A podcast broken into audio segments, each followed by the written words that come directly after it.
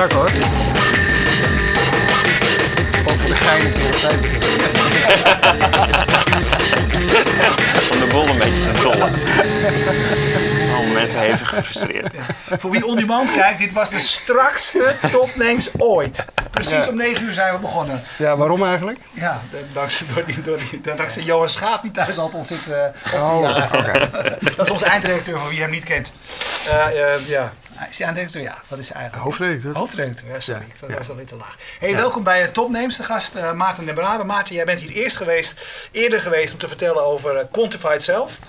Eh, we doen nu zeg maar even een update met jou, maar we moeten toch altijd weer eventjes terug voor wie het, eh, het fenomeen niet kent. Nog eventjes eh, Quantified Self in het kort. Ja, ik, eh, ik heb er een paar keer een antwoord op gezocht en ik eh, kom eh, of uit op het soort van betere manier van je verhaal vertellen met aanvullende data. Maar voor mensen die dat ook nog niks zegt, is het, het eigenlijk het gebruik maken van zelfmeting om meer over jezelf te weten te komen. Zo kan je het misschien makkelijkst nog uitleggen. En waarom is dat een fenomeen wat nu eh, opgang doet? Nou, ja, het fenomeen begint eigenlijk waarschijnlijk veel verder terug. Wat er nu gebeurt is dat de technologie bij komt kijken die het allemaal wat makkelijker en ehm, een soort ubiquitous, dus alomvattend maakt. Waar, waar je het overal tegenwoordig tegenkomt, bijna in brillen, in, in schoenen, eh, in kleding. Ehm, waardoor het lijkt alsof het opeens een, een volstrekt nieuw fenomeen is. Ehm, maar het is wel degelijk meer zichtbaar geworden. Dat, eh, Ja. dat gebeurt. Nu heb je het vooral over sensoren, hè, wat je al zei, die je Ja. op je lichaam draagt in, in brillen, apparaten, gespjes, eh, clipjes, noem maar op. Ehm, ik had op een gegeven moment ook het idee, oké, het is allemaal weer meer van hetzelfde. Of je nou de Nike Shoe bent en dan komt en, en, de Fitbit en de... eh, is het de laatste maanden nou nog echt wat nieuws aan de horizon gekomen? Nee, ik denk, ik denk als je dit volgt, deze beweging, en eh, je, je, je zit erin, zo gezegd, voor de, voor de, voor de, voor de gadgets. Hè? Mhm. Zo werd het in het begin ook vaak wel omschreven. Dat was natuurlijk ook aantrekkelijk. Ik denk dat je dan een beetje teleurgesteld bent in de laatste Ja. tijd. Dan is er weinig nieuws. Er zijn geen nieuwe categorieën bijvoorbeeld. Dus de nieuwste categorie zou je kunnen zeggen, waar wel mensen naar kijken nu bijvoorbeeld, is, is spectrometrie. eh, wat gaat om food tracking. Hè? Kan je aan Ja. het spectrometriebeeld van voedsel zien hoeveel calorieën of wat dan ook. Maar dat is misschien nog wel de meest interessante categorie. Het gaat nu eigenlijk meer de diepte in, in de bewegingen die er zijn. Hè? Dus ehm, eh, hoe kan je van een, een standaard getal bijvoorbeeld, eh, wat je hebt, 10.000 stappen. Hoe kan je dat personaliseren op basis van de technologie en de sensoren die je combineert tot, hey, jij moet vandaag 7000 stappen lopen en jij, jouw doel is, is 5000. Dat, dat soort verdieping zie je, nu, eh, zie je nu veel meer. Ja, maar dan bedoel je eigenlijk meer in de algoritmes die de data daadwerkelijk eh, eh, nuttig maken. En, Ja, onder en andere. Onder andere. Als je, als je vanuit dat sensorgedeelte kijkt en je kijkt wat daar in de innovatie is, dan is het een verdieping qua Ja. algoritme. Maar ehm, je ziet natuurlijk veel breder wel in het hele domein van, van de beweging, of in ieder geval het, het idee wat quantified zelf is. We leven nu ook in een soort post- post-Snowden tijdperk, hoe soort clichématig het bijna tegenwoordig is om dat te zeggen. Eh, dat mensen ook een heel ander bewustwordingsniveau hebben tegenwoordig. Wat ze eigenlijk aan het doen zijn. En of ze dat wel zo graag willen als ze denken dat ze dat willen. Maak dat eens concreet, wat bedoel je daarmee? Ehm, nou, het is voor veel mensen niet meer per se eh, zomaar logisch om persoonlijke data te delen eh, zonder dat je weet waar die heen gaat of Ja, wie juist. er een bepaald belang bij heeft. En, Ja. ehm, en dat zie je niet alleen eh, nou ja, in, in soort niches waar het eerst in zat, maar dat zie je ook veel breder. Dat, gebeurt, hè, dat wordt nu besproken op, op techcongressen. Is het, een, is het een item geworden? Privacy was altijd wel een item, maar dan was het, weet je wel, de ene laatste slide voor het feit koop ons product, was eh, dat men volledig eh, alles afgedekt had qua privacy, maar niemand ging er echt verder op, op door bijvoorbeeld. En nu zie je toch wel meer eh, verdieping ook op dat onderwerp. Jij eh, eh, organiseert mede meetups in, in Amsterdam rondom dit, Ja. dit thema.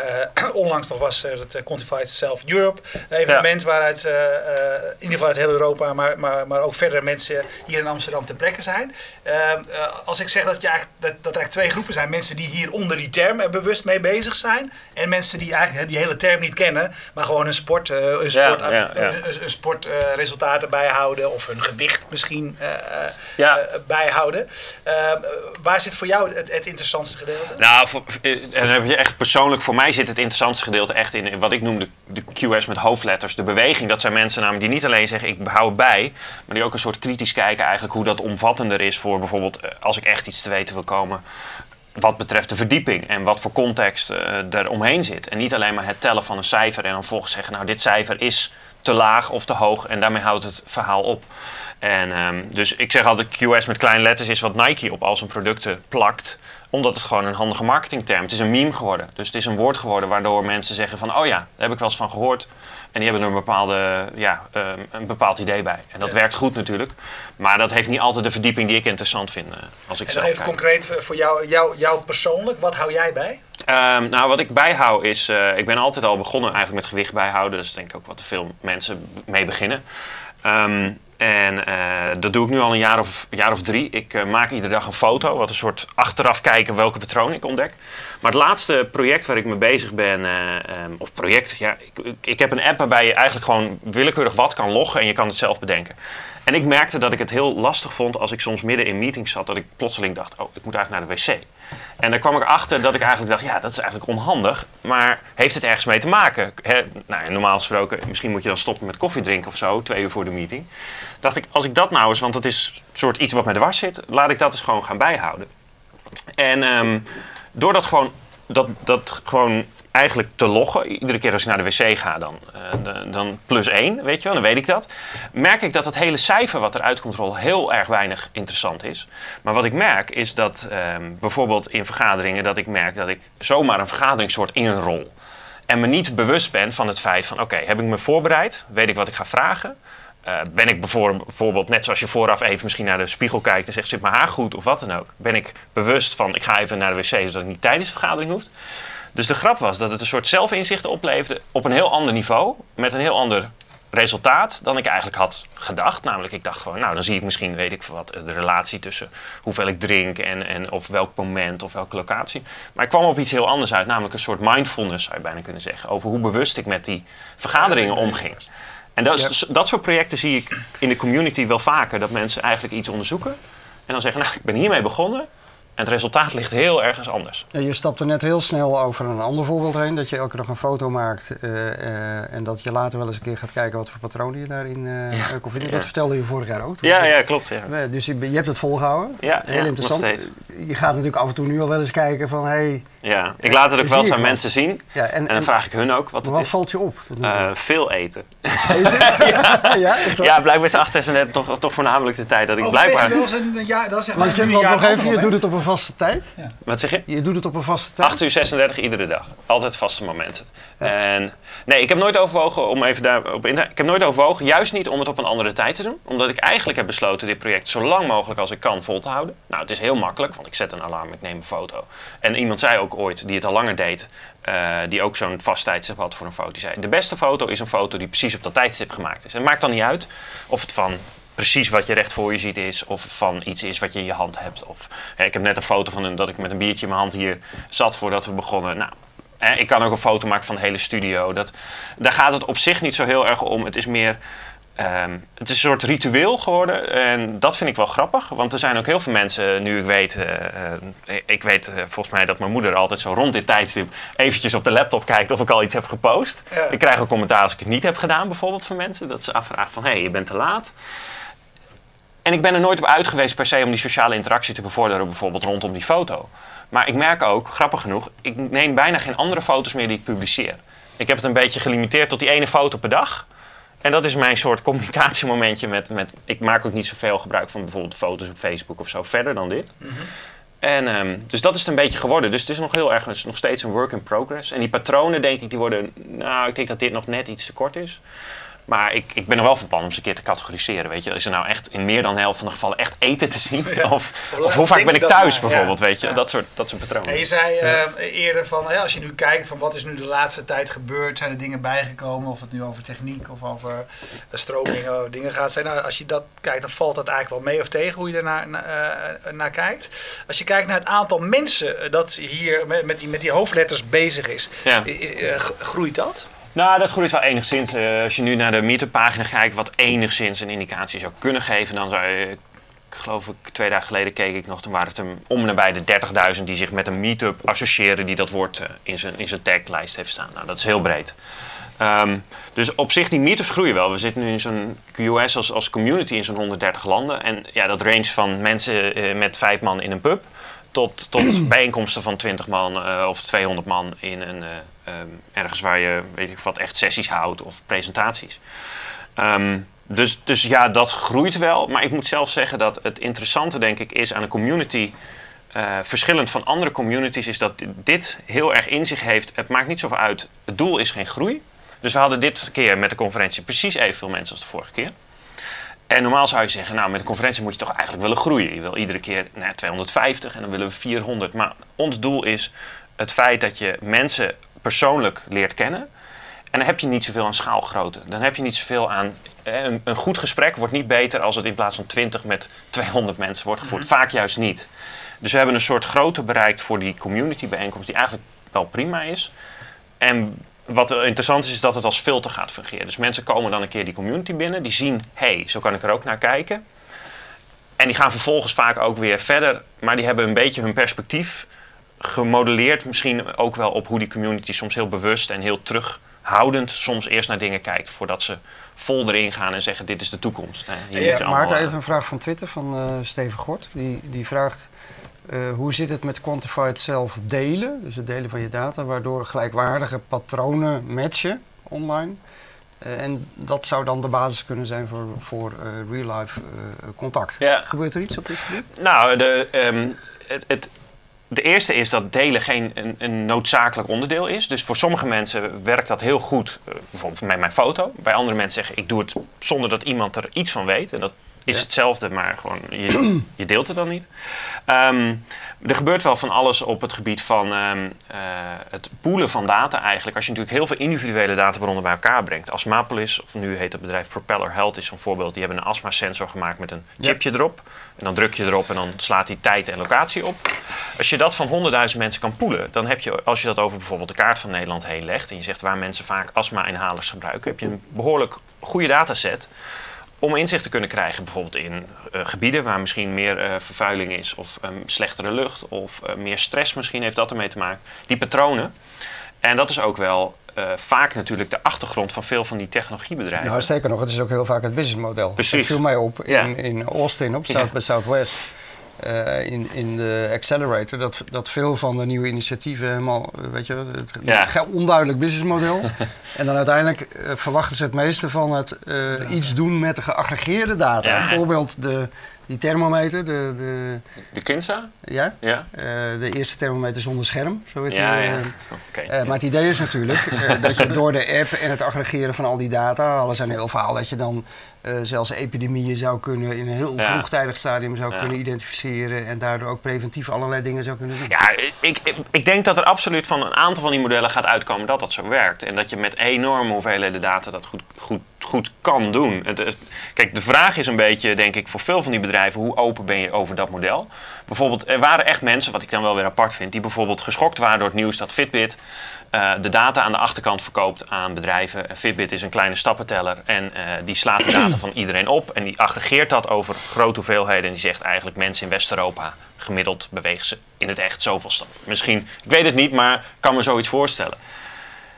Dat verbaast me niks. Ze hebben 43 miljoen volgens mij in VC-funding opgehaald. Dat hebben ze niet gedaan op basis van een stukje plastic. En gezegd Ja. van, hé hey, kijk, dit is een stukje plastic, is zo'n marge. Dan gaan we, gaan we eh, Ja. 430 miljoen waard worden of zo. Ja. Dus, dus dat dat model is. Ik denk alleen wel wat, wat, wat mij dan bezighoudt, is, is dat nou echt het enige model wat mensen kunnen bedenken? Want ik denk dat het ook een beetje gemakzucht is te makkelijk. Want wel wees, het is niet makkelijk een start-up te bouwen in dit eh, domein eh, per se. Maar er zijn misschien ook nog wel andere modellen. En ik denk ook wel dat er meer alternatieve, alternatieve modellen inmiddels gevraagd worden door mensen. Die, die, ja, ik vergelijk het altijd een beetje. De Triodos Bank heeft ook een bestaansrecht bewezen in de bankenwereld. Hè, terwijl mensen in, in die bankenwereld eerst zeiden... ja, maar iedereen gaat uiteindelijk gewoon voor hè, weet je, de beste rentepercentages en het goedkoopste pakket. Dat is nog steeds zo. Dat bestaat. Die mensen zijn er. Er zijn, eh, ik weet niet hoeveel klanten, 2,3 2 of 3 miljoen klanten.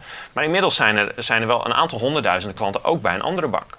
En ik denk dat het, het nu ook interessant is om welke alternatieven er komen voor die modellen. Ja, Hey, nog even een vraag van Twitter. Oh. Ja, ja. Ja, De, de, als je het hebt eh, over eh, eh, de verhalen die je inderdaad hoort, gaat heel snel dan over big data. Gaat ook heel snel over veel geld en de potentie van geel- veel geld en veel waarde. Maar, je, maar de community van, eh, van de Quantified zelf, als je bij op een evenement van jullie rondloopt, voelt eigenlijk als het tegenovergestelde Ja. daarvan. Hè? Als het commercie houden buiten de deur. ja dat, die, is die- dat? Nou, ja, dat is een goede inderdaad. Kijk, eh, ik, ik ben niet, laat ik het zo zeggen, zeggen, de, ehm, ik ben er niet mee begonnen, maar ik ben er wel door aangestoken dat ik dat wel snap, ben gaan snappen. Zo moet ik het uitleggen eigenlijk. Ik werd van de week nog gemaild, een leverancier die sponsor is uh, van de QS-conferentie vroeg eigenlijk... Begrijp ik het nou goed dat wij eigenlijk liever niet, dat ons wordt gevraagd liever niet onze producten te verkopen tijdens de QS-conferentie? En nou, dat is zo'n lopende discussie, want je zou aan de ene kant denken, goed toch, weet je, die bedrijven willen dat graag en uh, QS-community ook. Alleen de filosofie is een klein beetje dat daar meerdere platformen voor zijn en vaak ook betere platformen dan die community van mensen die hun persoonlijke verhaal komen delen. Er is genoeg ruimte op, op, op websites, uh, grote, meer commerciële conferenties waar dat prima kan. Waar mensen ook gewoon weten dat ze een marketingverhaal of een pitch te horen krijgen. Maar het is niet de focus van die conferentie. Dus het is een vrij bewuste soort beslissing om daar terughoudend in te zijn. En het ook om het hele idee van big data, maar echt te zeggen gewoon. Um, eigenlijk, wat is er allemaal al gebeurd? En niet visionaire verhalen neer te gaan zetten ook bijvoorbeeld. Dat is een andere keuze. Hè, met This Will Happen. Adam Greenfield heeft een boek geschreven over Against the Smart City. En daar heeft hij de term gecoind. Uh, the proximate future. Hè, dus alle futuristische dingen gaan altijd over will happen. Hè, this, is going, this is going to change. Nou, enzovoort. Maar het komt er nooit van, want er is altijd weer iets nieuws. En QS gaat eigenlijk wat de past proximate. Over wat er net gebeurd is.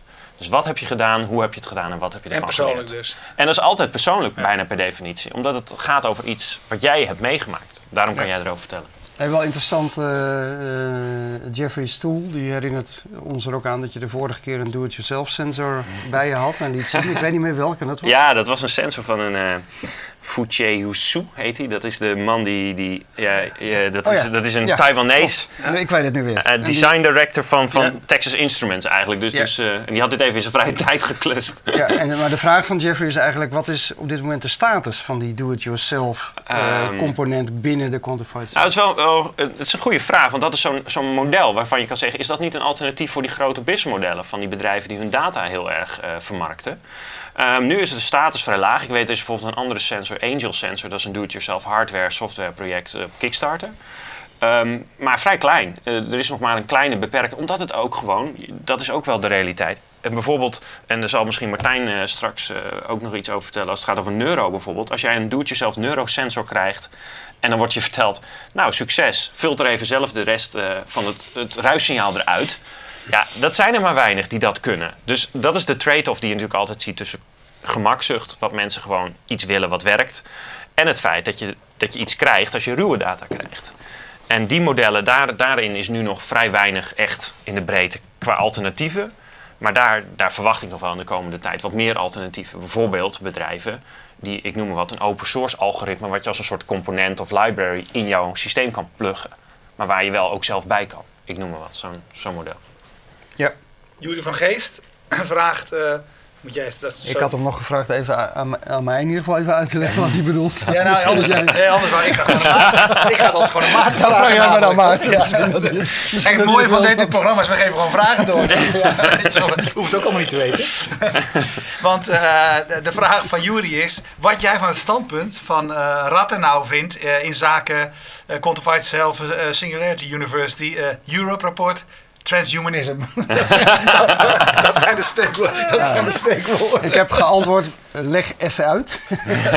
maar misschien dat jij het Nou, wat is het? Nano-neurobiostem? Wat Ratenau? Nee, het Ratenau Instituut is het instituut wat in Nederland uh, de technology assessment doet. Dus zij kijken vaak 20, 30 jaar soms wel in de toekomst, proberen uh, de technologieën te onderscheiden die onder, die, die belangrijk zouden kunnen gaan worden. Bijvoorbeeld, uh, hè, dat deden ze 20 jaar geleden, 30 jaar geleden met genetische modificatie. Was toen, ja. uh, ik heb nog ergens zo'n rapport uh, staan. Ik ben zelf adviesraadlid van de, de, Commissie Meetbare Mens. Dat gaat dus over. Ze adviseren vooral politici uiteindelijk en beleidsmakers. Um, ja, ik kan niet helemaal ingaan omdat ik niet weet welk advies specifiek bedoelt. Ze hebben een rapport uitgebracht, Intieme Technologie, waarbij ze eigenlijk de balans zoeken tussen het feit dat je, ja, beweeg je nou mee met de technologie in de zin dat het gebeurt en uh, dat er goed uit voort kan komen, of hou je heel erg de boot af. Um, ik vond dat ze daar wel een realistisch standpunt hebben verwoord. Um, ik denk ik denk niet zo eens zozeer dat het belangrijk is wat het Rathenau Instituut zegt. Ik denk waar, waar, ik belang aan hecht is hoe breed dat maatschappelijke debat wordt opgepakt door wat het Rathenau Instituut voor het voetlicht brengt. En ik denk dat dat nog te weinig misschien wel. Uh, je ziet nu wel wat platformen waar wat wordt gediscussieerd, maar er, gebeurt in de samenleving op maar uiteindelijk hele kleine schaal echt iets voor mensen die breed, en dat zou je misschien hebben verwacht na het Snowden-tijdperk, dat dat misschien wel breder Ja, gebeurt. wij hadden recent een, gesp- een, eh, een eh, gesprekje op Twitter samen over dit, dit onderwerp. Ik zei van met tech- technologie, hè, wat, wat kan gebeuren, gaat gebeuren, zeg maar. En jij vond dat een, weet niet, pessimistisch of ik weet niet precies wat je, wat je als eh, begrip... Defetistisch, zei ik volgens mij. begrip was, ja. Ehm, eh, maar maar we, we hadden het, eh, ik weet niet precies meer wat de aanleiding was. Maar, maar, maar, ja, maar hoe kijk jij daarnaar? Want wat je natuurlijk nu ziet is aan de ene kant technologie lijkt zo hard te gaan. En, en, maar misschien, en misschien maar een hele kleine groep mensen kan überhaupt beseffen eh, waar die technologie heen gaat. En ja, volgt de rest? Eh, eh, kan er een moment komen waar we op als mensen met z'n allen zeggen van nou die technologie nu is genoeg geweest? Ja, ik denk dus van wel. Want ik denk gewoon dat eigenlijk, ik bedoel, dat is een beetje eh, waar, je, waar je dan. Ik denk dus dat er wel zo'n standpunt is dat wij als mensen. Waarom zouden we dat niet kunnen zeggen dat we op een gegeven moment. We hebben ook, ehm, hè, eh, we hebben ook een wet op orgaan. Dat je, je mag je organen niet verkopen. Het kan allemaal prima. Ik kan een scalpel pakken en iemands orgaan eruit en zeggen: hier, ik eh, kan er heel veel geld voor beuren. Maar we hebben gewoon besloten dat dat geen goed idee is. Dus ik snap ook niet helemaal aan de andere kant soms waar dat idee vandaan komt, dat dat nu totaal anders is geworden. Dus toen de eerste mens met de scalpel kwam, toen heeft er ook op een gegeven moment na een tijdje, misschien werden er in het begin, ik, ben geen expert op dat gebied, maar wel organen van, totdat iemand een keer zei, dat gaan we niet meer doen hè. En dan vervolgens is er dus iets gebeurd in de maatschappij waardoor een standpunt is gekomen van tot hier. En wat, wat ik wel, ehm, eh, wat ik denk dat heel erg veranderd is, is natuurlijk, er wordt heel veel gewicht in de schaal gelegd door bedrijven. Dus je kan wel zeggen als, als groep in de maatschappij, wij willen iets niet. Maar ja, bijvoorbeeld, eh, eh, je zou eens moeten kijken, maar ik, ik geloof dat Google echt tientallen advocaten aan het werk heeft voor lobbyactiviteiten in Brussel. Dat is zo'n beetje ongeveer. En dan zit Bits of Freedom bijvoorbeeld hier in Nederland met, met, met zeven, tien hardwerkende mensen. Daar proberen ze dan ook hun standpunt naar binnen te schuiven. Maar ja, is dat gebalanceerd of niet? En dan krijg je langzaamaan wel het idee, ja, het gebeurt toch. Want wat kunnen we nou nog doen? En dat, dat was mijn argument vooral. Van, dat vind ik een houding waar ik denk, nou, sluit trouwens wel een beetje aan bij een vraag van eh, Herm van Beek op Twitter. Eh, die vraagt aan jou van in hoeverre hou je je bezig met eh, ethische vragen bij Quantified Cell? Eh, nou, ik, ik denk aardig wat, maar dat mag hij zelf beslissen. Dan moet je een keer. Ik heb toevallig een, eh, net gisteren een, een, eh, presentatie gegeven, die staat ook op een slideshow, Responsible Innovation. Mhm. Over mijn visie eigenlijk op, op hoe je hier tegenaan moet kijken. En toevallig was er vanochtend weer een artikel, Peter Paul Verbeek, techniekfilosoof van de UT en ook verbonden aan het Ratenau, was samen met Maurits Martijn van de correspondent langs geweest bij Google om wat dingen te proberen. En ik las op dezelfde dag vandaag een stuk van Hans Schnitzler, een, een kritiek die zei, die Verbeek die, die buigt veel te veel mee. Die gaat toch een beetje mee, want dat kan allemaal niet. Een beetje het standpunt, het is toch niet tegen te houden, laten we gewoon een beetje onze tenen in het water eh, dippen. Ik ben ook een beetje zo, denk ik, uiteindelijk. Want ik gebruik toch best wel veel van die technologie zonder dat ik misschien helemaal nu volledig de implicatie over zie. Maar ik ben wel een beetje, nou, ik verwacht altijd dat het eigenlijk fout kan gaan en dat niks veilig is. Dus ik doe al een beetje aan zelfcensuur. Dat is natuurlijk ook al nou, dat is een discussie op zich. Maar ik probeer me daar wel heel bewust van te zijn. En ik probeer vooral andere mensen bewust van te maken. Dus, dus ehm, dat er dus vanuit een bedrijf als Fitbit gebruik wordt gemaakt van je data, dat, dat roep ik maar aan, laat ik zo zeggen, iedereen die het wil horen omdat we daar ook gewoon, daar kunnen ook van beslissen dat het prima is. En ik denk dat er situaties zijn dat dat prima is. Alleen, ehm, daar moet je wel bewust van zijn. Want daar is het eerste stap in, in die discussie, denk ik, eh, mee gemaakt. Anders dan, dan komt het je rauw op je dak vallen. En dan zeg je nou, nu helemaal niks meer. Ja, dus uiteindelijk gaat het in jouw optiek veel meer om de bewustwording en het in- inzichtelijk maken van de, de potentiële gevaren. Ja, En ja, ja, waar je grens ligt. Ik denk ook gewoon Ja. heel simpel, eh, iedereen een bepaalde rol. Mijn rol is denk ik gewoon het feit dat ik veel eh, kan uitproberen en, en een positie creëren om dat te doen. Om vervolgens ook te kunnen zeggen van dit heb ik ervan geleerd. Zo stak ik gisteren het verhaal dat ik hield ook in van juist doordat ik er zo intiem mee bezig ben geweest en het allemaal bijna zo'n beetje gehad, eh, geprobeerd heb of, of, of eh, meegewerkt heb, is mijn visie erop ook gewoon langzaamaan een, een, een visie geworden van nou, ik weet niet of ik dit zomaar iedereen zou aanraden misschien. Waarschijnlijk, eh je be- omschreef aan het begin, uh, Quantified zelf, eh, het, het meten van dingen eh, waardoor je jezelf beter leert kennen. Zo zei je het geloof ik. Ja, ja. Eh, nou, dan ben ik ook wel in Quantified zelf, want ik meet ontzettend veel. Ik heb een halve mijn huis vol hangen met sensoren. En heb je jezelf wel beter leren kennen dan? Nou, tot nu toe, ja... Je moet er wel wat mee doen namelijk. vraag, eh. Ja, dat, Wat- ja, wat nou ja, jij? dat, dat, dat, Wat vind jij? Ben ik het afgelopen jaar ten positieve veranderd? En komt dat dan door het meten? Ja, dat weet Ja, ik het causale verband. Ik wilde eigenlijk een vraag stellen. nee, wat mij nou Wie ben ik? Wat mij nou opvalt, eh, en dat is denk ik ook wel echt een van de grote problemen. Dit gaat natuurlijk pas werken als je al die data die je verzamelt over jezelf en je omgeving en je leefomgeving en noem maar op, natuurlijk toegankelijk zou kunnen maken in een simpel dashboard. Eh, terwijl het is nog allemaal versnipperd. Weet je wel, je, Ja. je, hebt, je hebt je gewicht, dat doe je dan met withings en je meet je stappen met eh, dit. En eh, je hebt dit weer een andere sensor voor dat. En je meet je de luchttemperatuur Ja. en je meet je slaappatronen. Maar nergens komt dat bij elkaar. Waardoor je als consument, ik in ieder geval, ik haak op een gegeven moment af. Want Ja, ik, ja. heb, ik heb twintig apps op mijn telefoon die ik allemaal moet openen elke dag om te kijken. Eh, En dat doe je niet, hoor Dat ik doe je uit je, natuurlijk niet. uit je verhaal.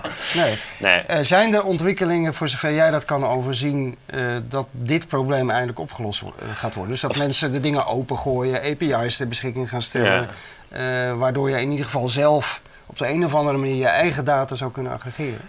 Ik denk dat het ongeveer het meest eh, eh, het, het probleem is waar het meest aan gewerkt wordt. Dat wil niet zeggen dat ik denk dat de oplossing het dichtst bij is, omdat het ook zo'n beetje het meest complexe probleem is. Ehm, API's. Waarom is dat zo complex? Nou, ehm, we- we- het is misschien raar, maar het minst, het minst eh, ingewikkelde stuk blijkt het moeilijkste te zijn. Bijvoorbeeld timestamps. Even een heel technisch antwoord. Als ik met developers spreek die dit proberen op te lossen. Ik sprak laatst met het hoofd eh, Margin- eh, Margaret McKenna, hoofd Data Science bij Runkeeper. Die zei, timestamps, the- the- it's the bane of our existence. Als, als data scientist, niks is op hetzelfde, op hetzelfde moment geëikt bijvoorbeeld. Alleen dat al. Alleen dat als simpel probleem. Dus Ja, ja. daar begint het al mee. En dan vervolgens API's, grappig genoeg, zijn echt wel goed ingebed eh, in, Q, of in QS-technologie. Veel dingen hebben een API, omdat er ook voordeel van wordt ingezien. Het is een soort business development. Hè. Als je een API hebt, dan gebruiken meer mensen je, je tools. Maar dan het koppelen op een, ja, op, een, op een goede manier, dat je er ook echt wat aan hebt, is niet zozeer het technisch koppelen. Je kan een dashboard maken en je kan zo 70 dingen over elkaar heen maar projecteren. vervolgens wil je daar analyses op kunnen Ja, krijgen. nou, Ja. en ik denk toch uiteindelijk dat je daar, ehm, eh, daar heb je gewoon vrij lange termijn grote datasets. Ik denk eh, één interessant voorbeeld wat je bijvoorbeeld nu ziet is de nieuwe app die Runkeeper zelf uitgebracht heeft, Breeze. Wat eigenlijk een stappenteller is. Ja. Maar waar ze heel eh, slim gebruik maken van de data die de crowd, maar ook jijzelf inbrengt. Om dan vervolgens jou een dagdoel te geven en niet een standaarddoel. Dus in plaats van 10.000 is het de ene dag 6 en de volgende 7. En je ziet ook bijvoorbeeld in hun analyse geven ze een overzicht of je s'avonds of overdag beweegt. Of je korte afstanden, maar heel veel. Of lange afstanden en heel weinig beweegt. Dat is allemaal, dat is allemaal uit hun data. Kan je, kunnen zij dat halen omdat ze die schaal hebben. Dus ik denk ook dat het nog een beetje te maken heeft met sommige dingen waarbij je ja, met één datapunt misschien als jij het tien jaar hebt bijgehouden, kan je op een data science niveau iets interessants zeggen. Maar anders heb je weer heel veel data nodig. En uiteindelijk zijn er nog te weinig echt dingen die dat niveau kunnen bieden. Jawbone is er natuurlijk één en Withings is er misschien één. Maar als je daar een handjevol partijen hebt, dan, dan houdt het wel even op die echt dat kunnen nu. Op, de, op een zinvolle manier, denk ik ook. Ja. Dus Een paar vragen van eh, Stefan Gort. Eh, even kijken of we die bij elkaar kunnen vegen. En Eén vraag. En noodgedwongen door die 140 karakters moeten mensen ook, eh, eh, moeten ze ook heel kort formuleren. Ja. Dus een van zijn, zijn punten was eh eh, Quantified zelf als tool voor interne bedrijfsvoering van organisaties. Hè? Want jij zegt het stuk heel erg het persoonlijke, maar je, je kan het natuurlijk ook de eenheid, eh, organisatie of bedrijf zien. Eh, is dat een onderwerp wat speelt? Ja, ja ik, eh, ben, eh, ik ben met Jury van Geest eh, samen zijn we ook bezig om te kijken hoe we dit onderwerp eigenlijk inzichtelijk kunnen maken voor, voor bijvoorbeeld bedrijven. Dus we zijn aan het nadenken een, een quantified employee achtig event neer te zetten over van hoe kunnen bedrijven dit voor zichzelf beter gebruiken. Maar waar je, waar je wel tegenaan loopt, of wat, wat interessant is, is de motivatie om iets te doen als iemand het je oplegt, even tussen haakjes, of dat nou gewillig opleggen is of, of, of niet geheel eh, gewillig, maakt dat het al een heel ander iets wordt voor jezelf. Als jij zelf met iets loopt, omdat jij bijvoorbeeld eh, eh, sport of, of gewoon in geïnteresseerd bent. Of dat je baas zegt: hey, hallo, hier heb je een, een badge die bij wijze van spreken eh, bijhoudt waar je bent of hoeveel je beweegt of, of dat je wel eh, genoeg uitrust. Al dat soort dingen.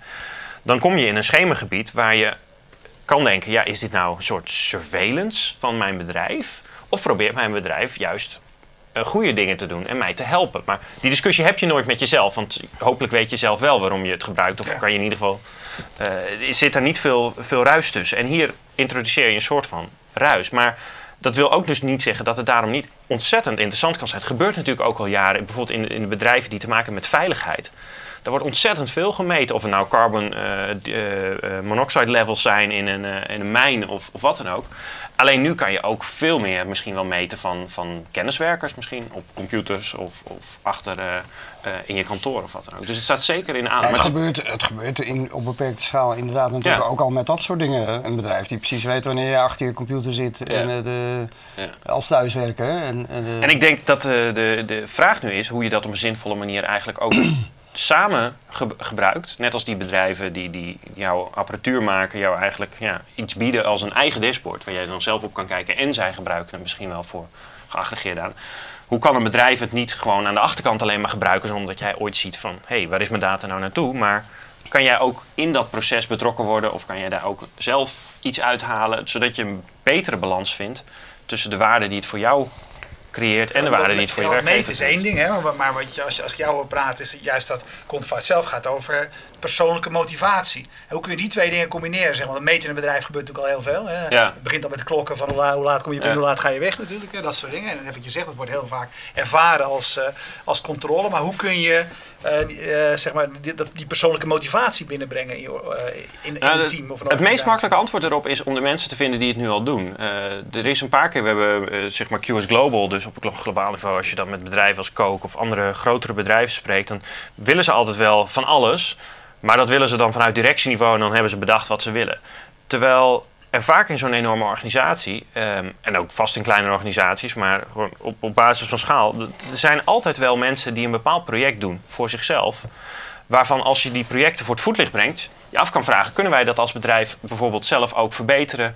Uh, omdat wij er iets aan toevoegen, omdat we je helpen het beter te organiseren, uh, wat dan ook. Dus de makkelijkste stap om dat te beantwoorden is eigenlijk welk bedrijf stel je de vraag voor en wat doen dan die mensen misschien zelf al? En dan begin je vanuit het standpunt van de mensen zelf, om dat eigenlijk vanuit uh, van onderaf naar boven te brengen en te zeggen van hé, hey, dit zou ook voor ons als bedrijf misschien iets kunnen zijn waar je meer doet. Ja, je had nog een instartje. Ja, maar om nou afsluiten, afsluiten met de instart. dat is, uh, Misschien moeten we gewoon een link, geven naar de, ja. een link geven naar de video. Ja, weet je wat, we twitteren ja. zo de link naar de video die we hadden willen laten zien als we eraan gedacht hadden. Ja, ja, ja, ja. Zou jij het draaiboek niet maken vandaag? dus... Nee, maar ook nog heel even, ik, de, uh, om de vraag even te trouwens te combineren, het dashboard en het uh, employee gedeelte. Ik weet, uh, mijn mede-organisator Joost Platel is een platform aan het bouwen, Count.us, waar die dat voor bedrijven samenbrengt bijvoorbeeld. Dus je kan het ook gewoon eens een keer proberen. En daar begint het nu bij veel bedrijven in Nederland ook mee van, ja, geef maar eens twintig mensen gewoon een stappenteller. Als dat is waar je geïnteresseerd in bent en die mensen ook. En dan weet je meteen als er uh, na afloop van die periode nog tien komen vragen omheen of dat niemand er meer gebruikt, wat ongeveer de richting is die je misschien moet zoeken. Waar, de, uh, ja, dus, dus waar de waarde kan liggen. En zo is het nog een beetje, het, het, is nog dat stadium van voor veel bedrijven op dat vlak van het experimenteren. Maar um, wat wij ook met het Quantified Employee willen laten zien, is eigenlijk van wat de waarde al is op andere plekken. Want daar zie je ook wel voorbeelden van.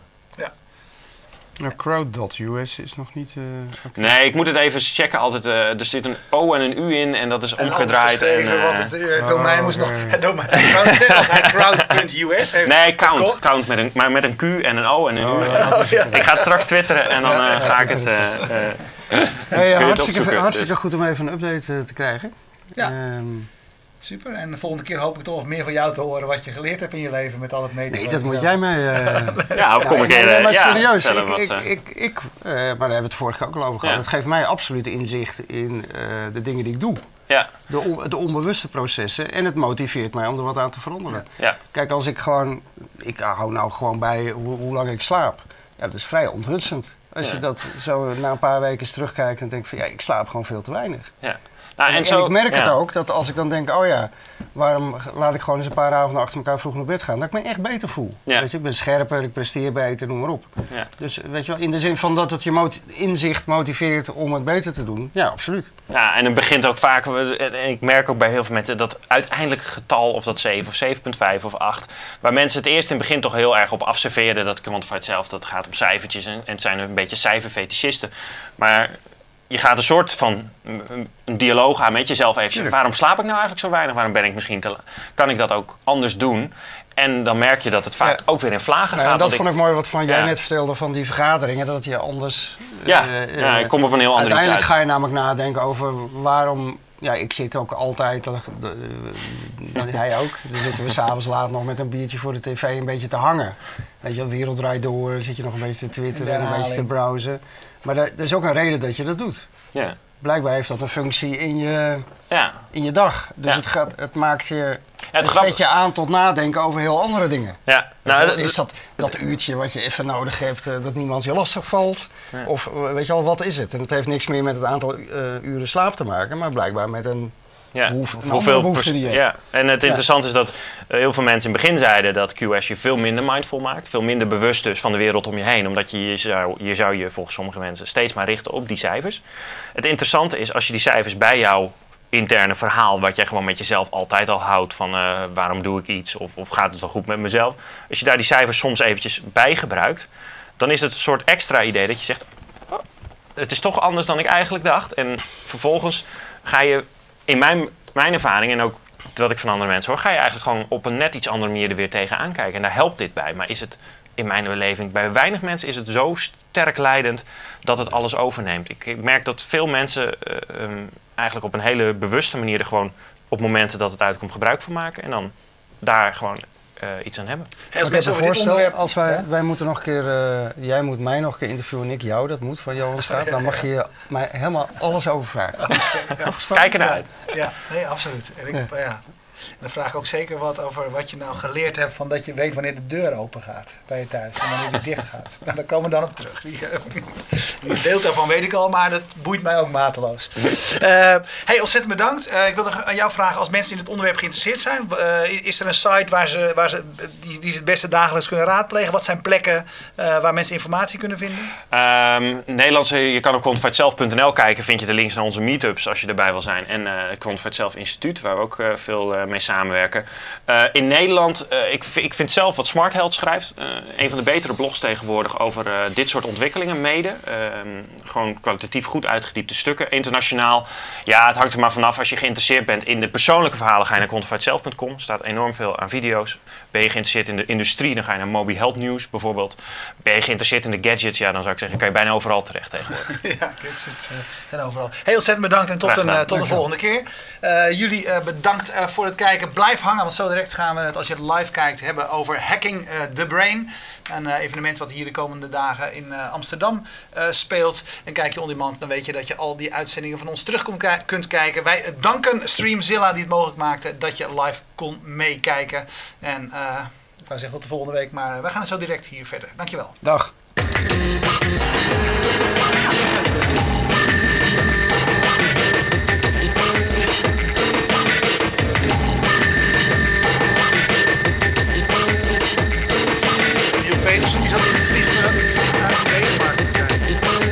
Eens gedaan, die uitzending met Ren. Zat ik gewoon in de trein en zat ik, werkte echt als een, werkte als een